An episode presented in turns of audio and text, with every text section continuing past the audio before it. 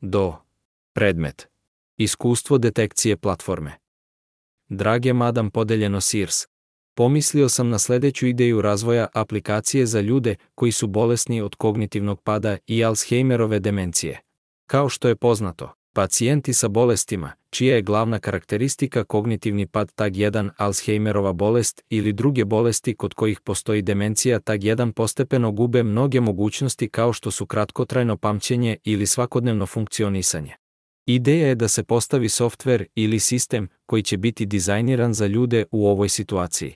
Izazov je da se na takav sistem koncentriše sav softver ili sisteme koje osoba koristi minus a kroz sistem veštačke inteligencije operativni mehanizam će postati jednostavniji i jednostavniji bolest napreduje.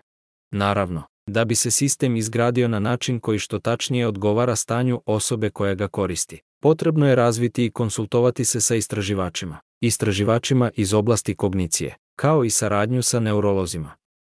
Svrha sistema je, naravno, omogućiti ljudima koji su navikli da koriste računar u različite svrhe i demenciju da ne gube potpuno pristup sistemima na koje su navikli dugi niz godina svog života minus, poboljšavajući tako njihov kvalitet života i onako je rezultat simptoma same bolesti.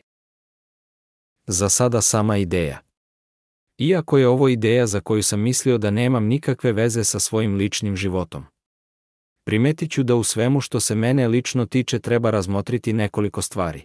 Jedan tag jedan nisam srednjoškolac, niti profesionalac u oblastima istraživanja mozga, spoznaja ili neurologija i zbog toga neću biti u mogućnosti da pratim takav projekat korak po korak.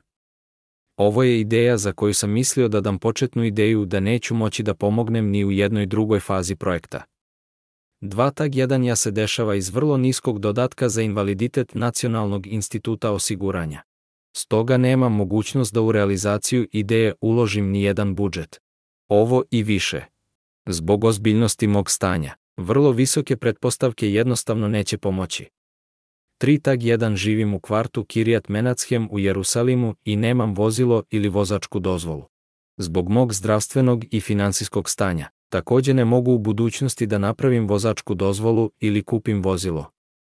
Stoga moja sposobnost da prisustvujem sednicama savjetovanja u kancelarijama kompanija koje su primetno daleko od mesta gde živim ne postoji.